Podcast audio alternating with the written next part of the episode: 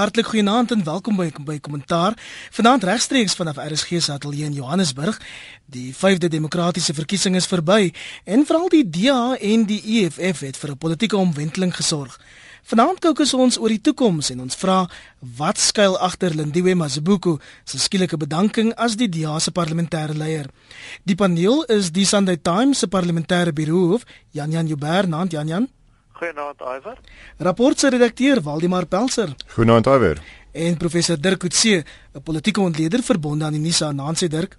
Goeienaand Iwer. As jy wil saampraat oor die pas afgelope verkiesing, volg en tweet my gerus by Iwer Price. Kollegas te midde van die DEA se feesviering is daar vanaand ook groot onsekerheid na Lindiwe Mazibuko se bedanking om vir 'n jaar in Amerika te gaan swat.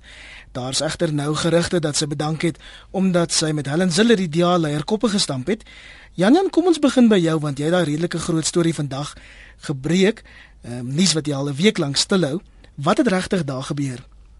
Wel, ek dink um ek dink albei die aspekte wat jy aanraak het 'n rol gespeel. Maar eerstens is dit belangrik om te onthou net vir luisteraars wat dalk uh, die nuus gemis het, uh, Lindiwe Mosibuko gaan um, vir uh, die volgende jaar vanaf Julie maand af aan die Harvard Universiteit se Kennedy School of Government studeer. Dit is die voorste instelling in die wêreld van sy soort en haar gevoel is dat sy nodig het om haar vaardighede op te skerp en um te gaan studeer om net 'n bietjie perspektief te kry en sterker terug te kom um en dan die DA en die land weer te dien in die politiek sou die DA haar die kans wou gee. En dit is sekerlik so, maar dit is ook so dat dit gebeur teen die agtergrond daarvan dat soos enige luisteraars wat die nuus volg sal weet, daar die afgelope paar maande maar 'n groot mate van spanning aan die opbou was tussen haar en Helen Zille en dat daar um, baie sterk spekulasie was hoewel Zille haar kaarte in elk geval formeel redelik naby aan haar gehou het uh, dat Zille vir Musi Maimani wat die DA se Gautengse premierskandidaat was en steeds die nasionale woordvoerder is, sou ondersteun in 'n leierstryd teen Mazibuko. Ek dink Mazibuko sou daai leierstryd kon wen, maar die vraag is wat waarmee sit sy dan? Jy weet dan sit sy in presies dieselfde situasie waar sy was indien die leier nie vertroue in haar het as parlementêre leier nie, 'n baie moeilike situasie om te hanteer. Waldemar, ek vermoed dat baie kiesers of mense wat ja gestem het nogal onnigter is deur die skielike aankondiging. Aber ja nee, ehm um, ja omdat uh, Lindiwe deel geword het van die uh, eh, DA span wat in 2011 al met die plaaslike regeringsverkiesing op uh, busse reg oor die land, jy weet maar in in die Weskaap veral sigbaar was. Dit was Lindiwe Mazibuko, Patricia de Lille en Helen Zille was die drie groot figure in die in die DA en sy het 'n baie bekende gesig geword onder kiesers landwyd en verandering is altyd ehm um, onseënend, maar die rol waarin sy uh die party gedien het was um jy weet jy weet in die, in die parlement waar waar jy weet nie so baie Suid-Afrikaners of lede van die publiek onnodig in aksie sien nie. Jy weet dit is dit is inderdaad 'n baie belangrike forum en ek dink ons kom later in hierdie gesprek by um of die parlement nog belangriker gaan raak nou dat die politiek daar warmer geraak het met die EFF en dis meer. Um maar die laaste paar maande um was dit nie maar die boeke se gesig wat uh gesien is op TV advertensies, YouTube advertensies, uh, wie se stem gehoor is as die van die uh, swarter toekoms van die DA nie. Dit was Musi Maimane ehm um, by wie ehm um, die partyleier Helenzele baie gereeld gesien is op verhoor hier in Johannesburg en selfs uh, laasweek ook by die laaste groot uh, verkiesingsveldtogte in die Kaap.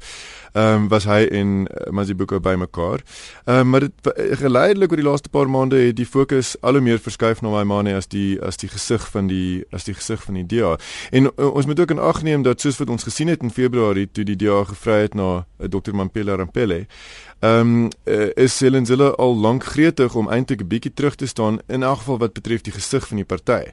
Ehm um, in die laaste ruk was my mane meer die gesig van die party as Masibuku.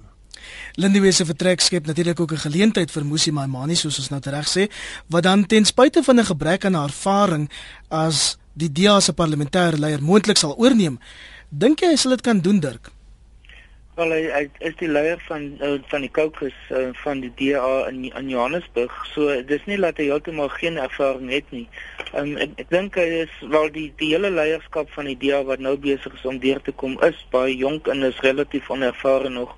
Ehm um, so ek dink hy is is is is deel van daardie gesig van die DA wat uh, wat nuut is, wat jonk is, wat uh, wat miskien die DA in 'n ander rigting probeer stuur oor tyd. Ehm so ek dink dit dit gaan 100% inval by by daardie patroon wat nou gevestig is.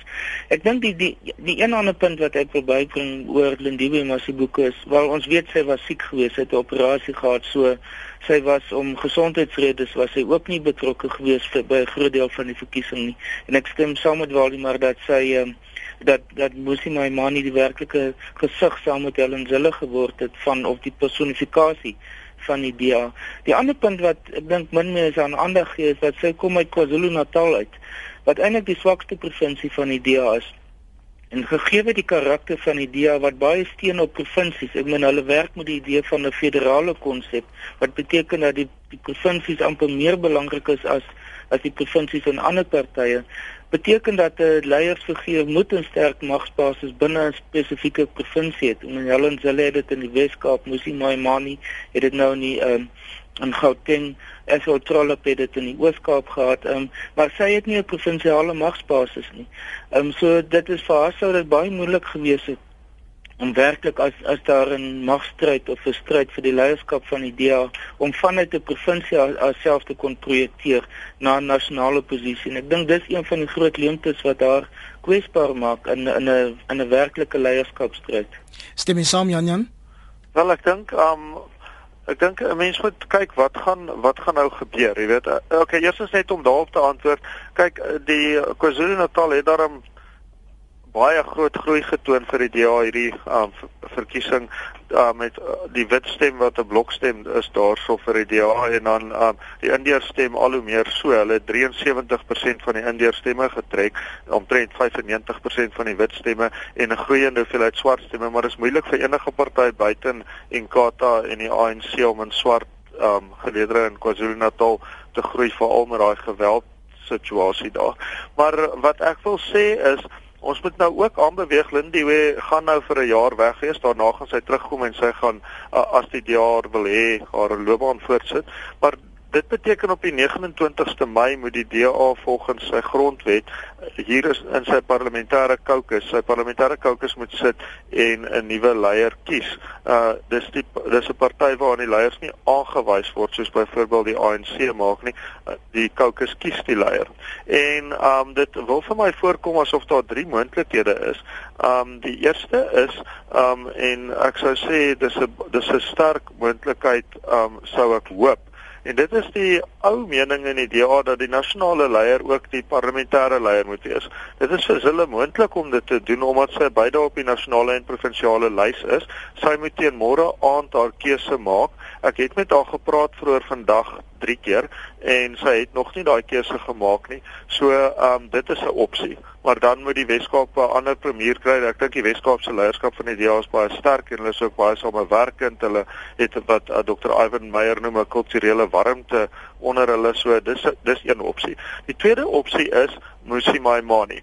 Ek dink ehm um, daar's 'n baie sterk gevoel in die DA hier in Weskaapland, uh, maar ook in ander dele van die land dat dit baie dwaas sou wees en dis 'n gevoel wat ek deel om iemand met absoluut geen kennis of ervaring van die parlement nie aan die hoof van 'n caucus van 89 in die uh, nasionale vergadering en nog omtrent 12 in die nasionale raad van provinsies te sit en hulle nie soos 'n skaap ter slagting te lei nie. Die nasionale party het vir ons gewys wat gebeur as hy 'n kortbroek leier in beheer sit van so 'n magtige organisasie. Hy kan tot niet gaan. Die derde opsie wat ek gehoor het vandag wat mense oorweeg is om 'n meer liberale en ervare kandidaat daar te stel, iemand soos Dr. Wilmot James, maar is nog vroeg in die dag, dis nog amper 'n maand voordat daardie verkiesing moet plaasvind, so ons moet maar kyk hoe die dinamika ontwikkel. Waldemar, wil jy daarop reageer? Ehm um, aber ja, ek bedoel dis uiteraard 'n belangrike keuse. Ek dink die punt is gemaak hierdie naweek dat ehm um, die DA met 89 LPs se oorsigrol um, in die parlement is reeds iets waarop die demokrasie swaar steun en word nou groter. Dit word vir die party moontlik om verteenwoordigers in meer parlementêre komitees te hê wanneer 'n uh, belangrike wetgewing oorweeg word. Ons weet ook dat van die konflik tussen uh, Lindiwe Mazibuko en Zille uh, was onder andere oor die wetsontwerp op gelyke indiensneming van November verlede jaar wat agterna deur Zille as 'n vliegongeluk of watter ongeluk dit ook al was beskryf is. En daarvoor het sy vir Mazibuko verkwalik. Ehm um, uh, jy weet Mazibuko het ook daarvoor uh, verantwoordelikheid aanvaar. Sy het gesê dit het on, op haar wagbeurt ehm um, gebeur dat die party um, sekere uh, gevare in die wetgewing nie raak gesien het nie. En die voorbeelde van daai stuk wetgewing veral het vir ons gewys hoe belangrik dit is om te konsentreer in die parlement wanneer wanneer wetgewing bekyk word, wanneer jy 'n posisie oor 'n uh, beleidsvraagstuk moet duidelik maak. Dit is die leier van die caucus en dan nou, jy weet, Musi of uh, of Dr James of iemand anders, um, wat moet seker maak uh, dat die party uitvoering gee aan 'n beleid wat op sigself helder en duidelik is.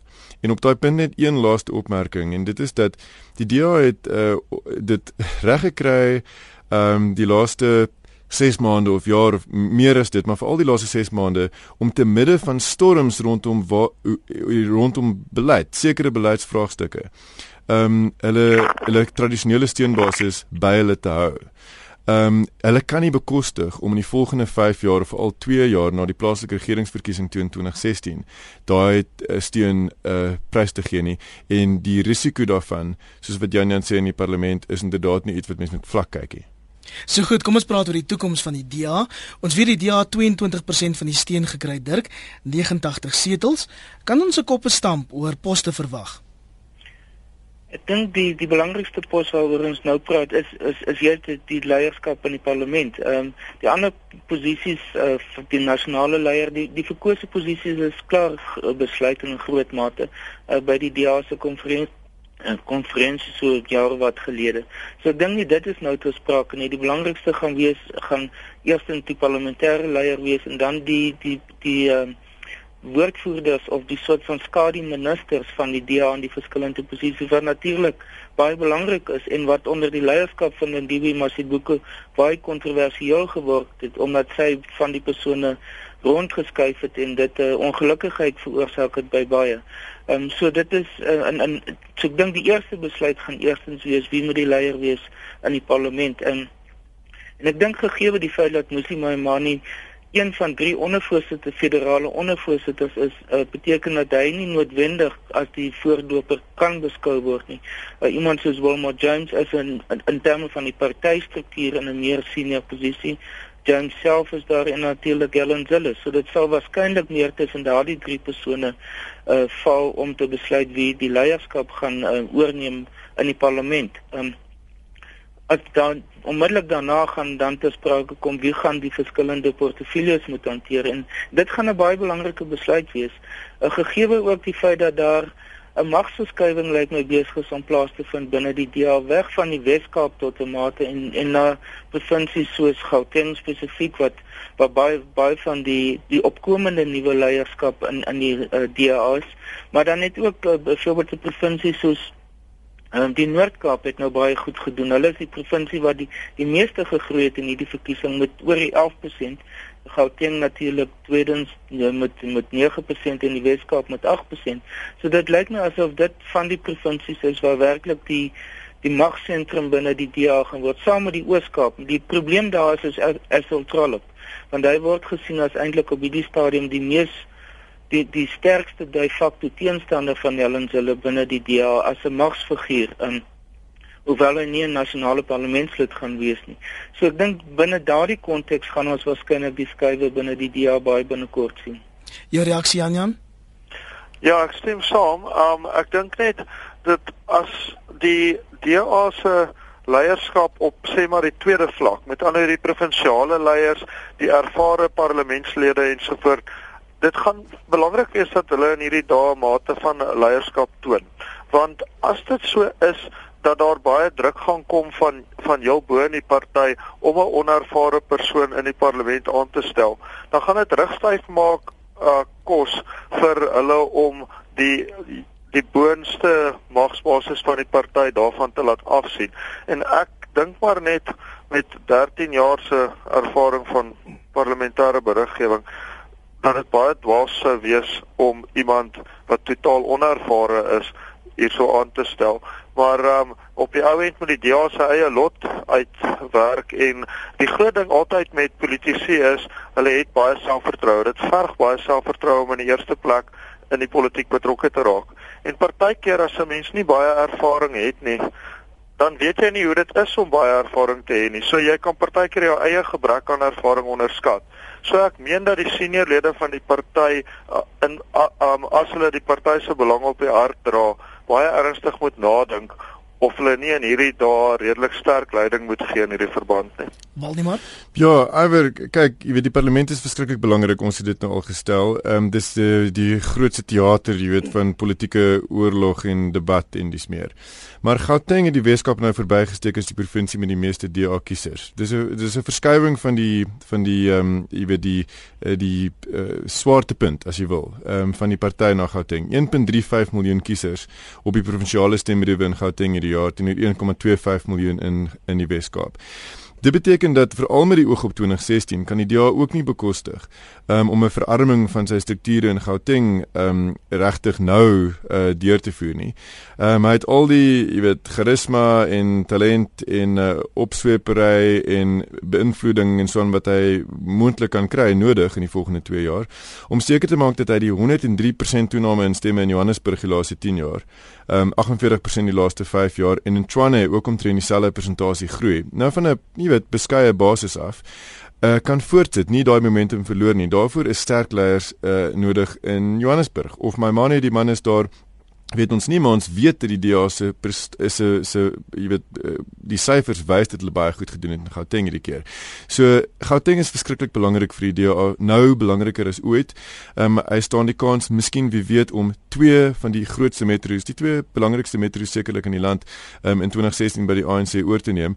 Ehm um, en dan is daar nog Nelson Mandela Bay. So uh, die fokus word nou miskien tweeledig, parlement en Weskaap aan die een kant en Gauteng en die kleiner metro's aan die ander kant. Ag, Iwer kan ek gou daar inspring en net met Waldemar saamstem. Een van die lekkerste stukke vir my van vandag se rapport is die ontleding wat hulle gedoen het, juis om te wys byvoorbeeld en beeld het ook daarna al gekyk voor in die week na wat het gebeur in spesifieke dorpe en ensovoort. Ehm um, hulle het uh, 'n uh, rapport vandag gekyk na uitskieters in spesifieke provinsies sodat jy kon sien hoe die oppositie stem verander het heens die ANC stem en dit was my vreeslik lekker om te kyk want dit is so bevatlik. Maar wat die drie metro Soos in Gauteng betref, as ek um die syfers nou reg onthou en ek moet beken ek het hulle nie nou by my nie, dan staan die syfers vir die drie metro's, Ekurhuleni, Tshwane en Johannesburg, almal hierso in die omgewing van tussen 52 en 55%. Jette jong, dis so naby so naby om die ANC 150 te kry as wat jy kan wees en ek stem met Waldemar saam. Die party sal moet dink of hy nie baie van sy sterk leiers in die aanloop tot die 2016 munisipale verkiesing kan um herontplooi na daardie sterk stadsrade toe nie sodat daardie stadsrade in 2016 um weet bekom kan word en dit 'n afspringplek kan word soos wat Kaapstad in die Wes-Kaap was vir die 2019 algemene verkiesing in Gauteng nie. As ons kan aanbeweeg tot die ANC wat meer as 62% van die stemme gekry het, ontleeders het op 'n stadium verwag Dirk dat die ANC se steun tot so 60% kan daal, maar dit het toe nooit, nooit gebeur nie. Ja, ek, ek dink daar was 'n uh, oorskatting geweest waarskynlik van die invloed wat Gauteng sou gehad het op die ANC. Daar's baie wat gemeede dat die dat die ANC in Gauteng onder 50% sou gaan en as gevolg van die die bevolkingsgewig die hoeveelheid uh, kiesers in Gauteng sou dit dan die ANC kon terugtrek. Ek dink die die groot teleurstelling, daar's daar's twee provinsies wat ek dink die die grootste teleurstelling vir die ANC is. Ehm um, die eerste een is Gauteng en die tweede een is KwaZulu-Natal. Ehm um, in die geval van die een oor Gauteng dink ek is voorhand liggend dat meer as 10% stemme verloor, al die naaste gekom van enige ander provinsie aan die 50% afsnypunt. Ehm um, so dit is dis 'n dis 'n baie dramatiese vermindering in stemme wat vir vir die ANC in Gauteng, maar ek dink die die die betekenis van KwaZulu-Natal word word nie geag op hierdie stadium nie. En dit was dat dit dit moes die groeipunt gewees het vir die ANC in hierdie verkiesing. In die verkiesing van 2009 het die ANC met 15% gegroei in KwaZulu-Natal en hy het in 'n groot mate die verlies in die ander 8 provinsies kon hy verdiskonteer.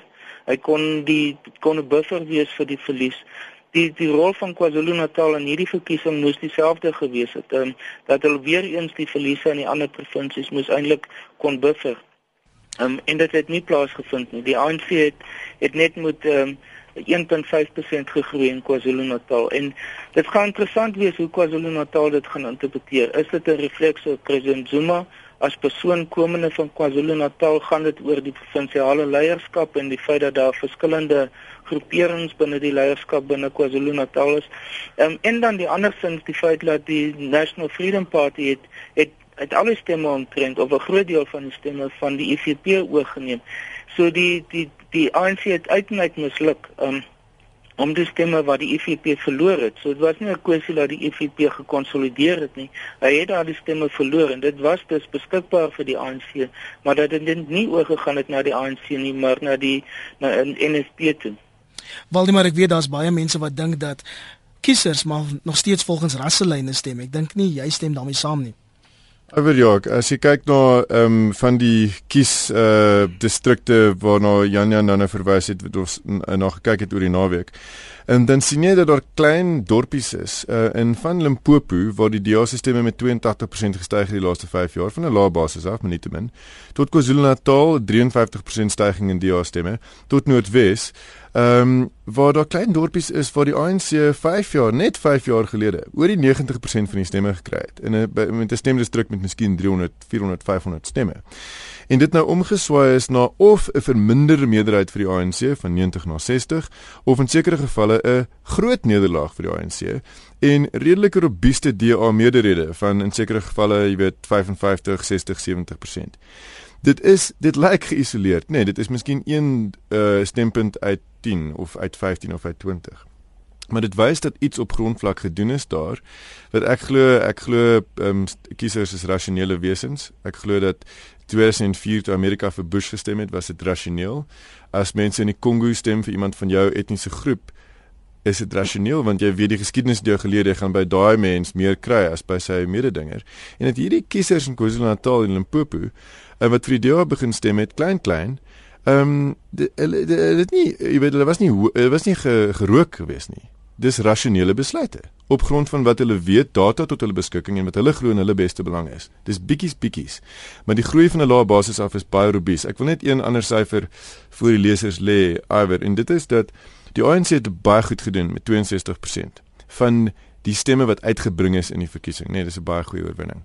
Maar as mens dit gaan vergelyk en hierdie analises het 'n paar jaar gelede begin met die aantal stemgeregtigde Suid-Afrikaners, lyk die prentjie tog 'n bietjie anders.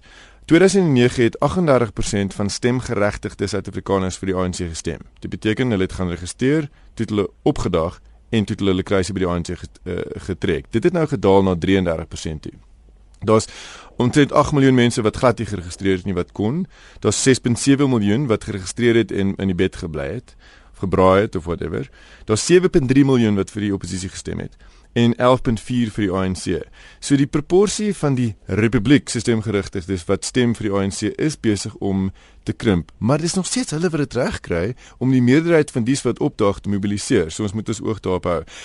Volgens raslyne net net 'n punt Wie wat mense stem eh, vir 'n party wat hulle glo hulle beste belange gaan dien en die ANC het dit nog steeds reg gekry om in die meeste dele van die land vir kiesers te oortuig dis hulle. Stem jy saam Jan Jan? Ja, ek dink wat Waldemar daar sê in verband met daai um, ek dink julle noem dit uitskieters nê Waldemar in ja. die, in die, in die rapport uh, vandag. Um daai uitskiet stempunte het ek 'n paar van hulle eintlik al besoek. Um is miskien so verrassend nie want um ek moes vir die Sunday Times die die DFL tog dek en um wat my bybly is 'n uh, stempunt uh tussen Middelburg en Groblersdal waar ek was in die um dit was regtig 'n landelike um absoluut swart stempunt um as op die oog af ANC wêreld. Maar wat het die verskil gemaak dat daai stempunt reeds in 2011 'n DA meerderheid opgelewer het en ek's baie seker nou weer dit gedoen het, is die raadslid daar, die 'n proporsionele DA raadslid mevrou Grobler wat daar ingespring het en daardie gemeenskap gaan help het om water en elektrisiteit na hulle huise toe aan te lê. So ek dink dikwels dat dit gebeur en dit is weer eens wat die 2016 um, munisipale verkiesing so belangrik maak dat heel party van daai stempunte waar die DA so uh, um heeltemal buite verhouding goed presteer, het te doen met die harde werk van daardie party se werkers op die grond. En dieselfde kan jy waarskynlik sê van die ANC oorwinnings in baie ander dele van die land. En dis wat Waldemar se punt ook was, dat as die gemeenskap sien daar is iemand wat omsien na hulle belange, dan sal hulle vir persoon stem. Niemand in hierdie land is 'n dom kiezer nie. En my partymense is partykeer 'n bietjie ondeurdag, maar hulle is nie dom nie. En as jy kyk na wat ek daar gesien het in Middelburg met die blonde vrou wat daar rondstap en absoluut almal ken en almal ken haar, dan is dit nie verrassend dat daai tipe groei um plaasvind nie. Met ander woorde die die boodskap vir 2016 is werk hard en jou harde werk sal beloon word, maak nie saak watter party jy is nie. Dis 29 minute oor 8 jy luister na kommentaar op RSG en kollegas as ons as ons kan vir 'n oomblik stil staan by die ekonomiese vryheidsvegters wat nou die land se derde grootste politieke party is. Dirk, moet ons vuurwerk in die parlement verwag?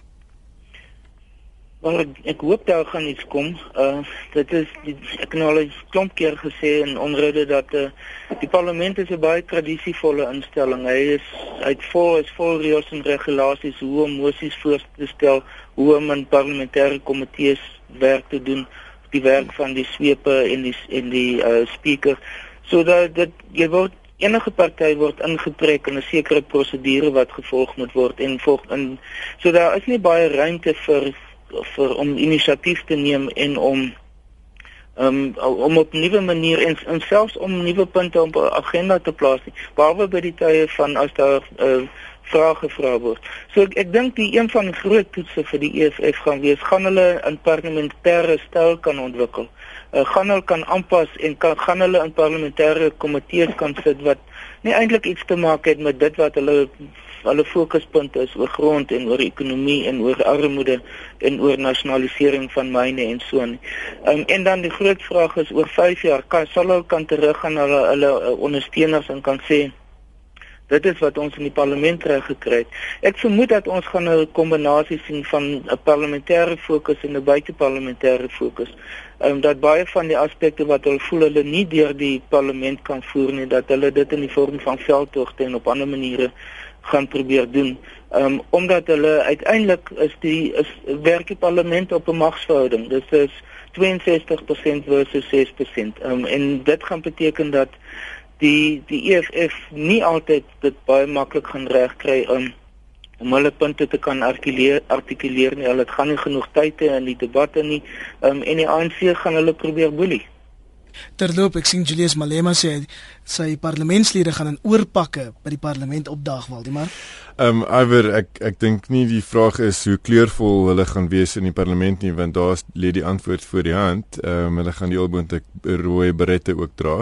Ek dink die vraag vir Malema is of hy hoe genoem daar gaan wees. Ehm um, en of hy teen die einde van hierdie maand ehm um, uh ge, finaal gesekwestreer gaan word en of korrupsieklagte teen hom uh jy weet suksesvol bereg gaan word en hy dalk in die tronk gaan beland. En dan is die vraag vir die EFF ehm um, of hulle wat wel anders as Cope destyds gebou is rondom hierdie baie sterk persoonlikheid uh van van Malema self. Ehm um, die jy weet momentum en stamina gaan hê om om tot 20 uh dit was tot 2019 en en daar verby um 'n indruk te maak in soos wat Dirk sê 'n organisasie vol jy weet stowwerigheid en uh en en en houtbeslag jy weet dit is nie hulle styl nie um So die oorsigrol wat hulle gaan kan vervul is mens nie seker nie, maar mens moet tog ook onthou hulle kry heelwat geld ook nou. Ehm um, omdat hulle 25 parlementslede het, hulle kry subsidies, jy weet, om hulle veldtogte te voer 2016, 2019. Ehm um, en as hulle dit slim gebruik en hulle bou strukture eerder as om net op persoonlikhede en en hierdie vuurwarm kwessies te fokus. Miskien is daar dan vir hulle hoop, maar een analogie, AMKU, die vuurvreter vakbond hier van uh, van die Platinum Gordel um, in die noorde van die land, wat die platinum myne so lam lê. AMKU se se probleem is volgens baie kenners, jy weet dat hulle is gebou rondom Joseph Matunjwa se persoonlikheid en 'n paar ander mense met notaboeke wat daar sit, maar daar's nie strukture nie en hulle vermoë om hulle lede regtig te dien. Soos wat noem en en daai groot vakbonde sê dit die middel 80s geleer het om te doen, dis dis vervelig, né? Dis dis sleurwerk baie daarvan. Ehm um, dit kry hulle nie reg nie. Ehm um, en of die EFF regtig uh, vir hulle uh, kiesers gaan laat glo dat hulle kry, jy weet, waarde vir hulle stem en dien hulle regtig deur om gedissiplineerde parlementêre kaders te wees, dit sal ons moet sien. Stem jy saam, Jan?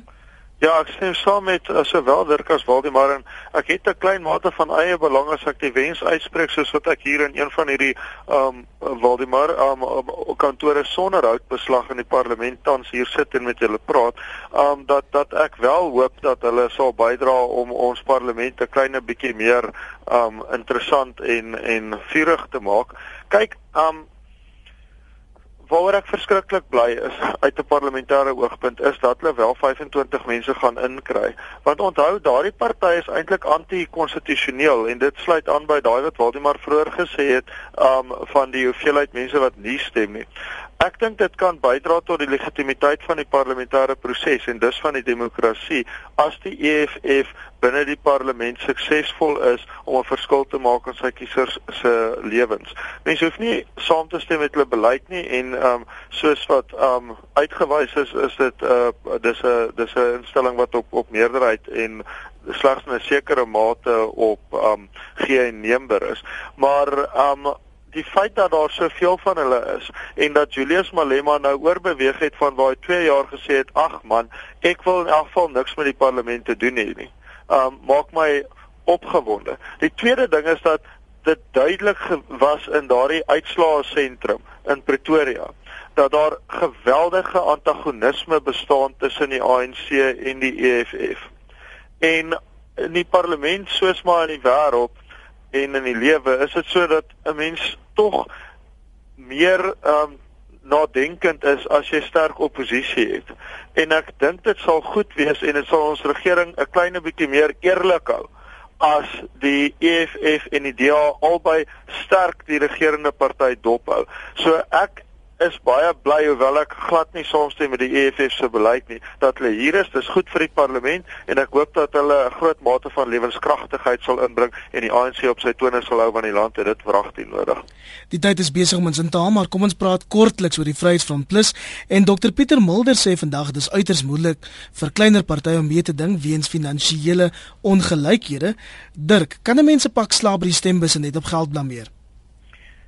Nee, ek dink nie so nie. Ek, ek dink uh, die EFF is nou lank genoeg in die verkiesingsproses in in in die parlement. Ek dit is hulle vyfde verkiesing hierdie. Ehm um, ek dink wat hulle reg gekry het oor tyd is om hulle posisie te stabiliseer. Dit is natuurlik op 'n lae basis, dis op min, minder as 1%. Uh, ehm, maar die afgelope 3 verkiesings was dit altyd rondom 0,8 iets persent gewees. Nou is dit 0,9%. So dis duidelik daar is 'n kerngroeperings wat die wat die uh, Vryheidsfront Plus ondersteun. Uh, daar was nou 'n mate van 'n groei en waarskynlik het dit van die DA se kant gekom. Ehm um, en ek ek dink dit is ongeag wat die die veelheid geld wat uh, tot beskikking van die Vryheidsfront gewees het, sou hulle waarskynlik nie daai dramatiese groter hoeveelheid ondersteuning gekry het nie. Ehm um, want dit gaan nie net oor die die die die uh, finansiële middele wat tot die party se beskikking is om uh verkiesingsmateriaal beskikbaar te stel. Nee, dit gaan uiteindelik of hulle die kiesers kan oortuig. Um, en ek dink die die Vryheidsfront Plus het het redelik baie media blootstelling gekry in die vorm van um, deelneem aan programme, aan paneelbesprekings op die radio en televisie en dat hulle proporsioneel gesproke, ek dink een van die meer prominente partye was. Dan iets anders wat bygekom is, hulle was redelik aktief op die sosiale media. Die Vryheidsfront Plus as 'n mens hulle vergelyk met die ander partye van dieselfde grootte was al definitief een van die mees prominente partye gewees. So dit was 'n medium waarvoor mens nie groot finansiële bronne nodig het nie wat baie effektief gebruik kan word en hulle het dit gedoen en waarskynlik is dit deel van die rede vir die groei wat hulle nou getoon het. Waldemar? Ja, dit is baie interessant. So die UDM, die DA en die Vryheidsfront Plus is die enigste partye wat gegroei het in die parlement. Ehm um, so 11 van die 14 wat 2009 was het gekrimp. Ehm um, en 'n paar het heeltemal verdwyn. Ehm um, en dit is eintlik interessant dat die die die Vryheidsfront Plus se groei nie skerper was ehm um, in hierdie verkiesing nie want die DA het maar wat kwessies wat vir sy tradisionele kiesers baie saak maak 'n bietjie rondgeval. Uh die partye ontken dit maar dit was maar morsig by tye nie net oor die heropening van grondhuise nie, maar die uh, gelyke diensneming en en so meer. Ons ken nou al daai daai twiste en die, die Vryheidsfront Plus het probeer om daarop te kapitaliseer en vir die DA te sê ons is die eintlike tuiste van in elk geval wit Afrikaners. Ehm um, en wat interessant is is die DA het baie meer nuwe stemme van wit Afrikaners en van bruin Afrikaners en van bruin non-Afrikaners en wit non-Afrikaners van uh, Afrikaanse mense gelok in hierdie verkiesing as die Vryheid van Plus. En so die Vryheid van Plus het 'n bietjie gestyg, maar dis 'n boodskap is hier gestuur wat nie onomkeerbaar is nie. Dit is baie belangrik. Ek dink nie daar's blinde lojaliteit in die in die in die, die onderkiesers nie, maar boodskap is gestuur deur minderheid kiesers dat hulle gooi hulle gewig agter 'n veelrassige party van die sentrum. En as die Vryheid van Plus geslaag het in sy pogings om te wys dat die DA se gevry na swart kiesers byvoorbeeld is skadelik vir wit en bruin mense, maar veral wit mense, dan sou die uitslag by die stembus dit gewys het en dit het nie gebeur nie. Kollegas, dis ongelukkig alwaar vir 'n tyd het ek wou nog Janie se kommentaar kry. Miskien 'n volgende keer. Baie dankie aan die Sunday Times se parlementêre biroof, Jan Jan Jubber. Dankie Jan Jan. Dankie Iwer, dit was 'n voorreg. Rapport se redakteur Waldemar Pelser. Dankie Iwer, goeienaand luisteraars. En professor Dirk Coetzee, politieke ontleder verbonde aan die NISA. Goeienaand Iwer, baie dankie.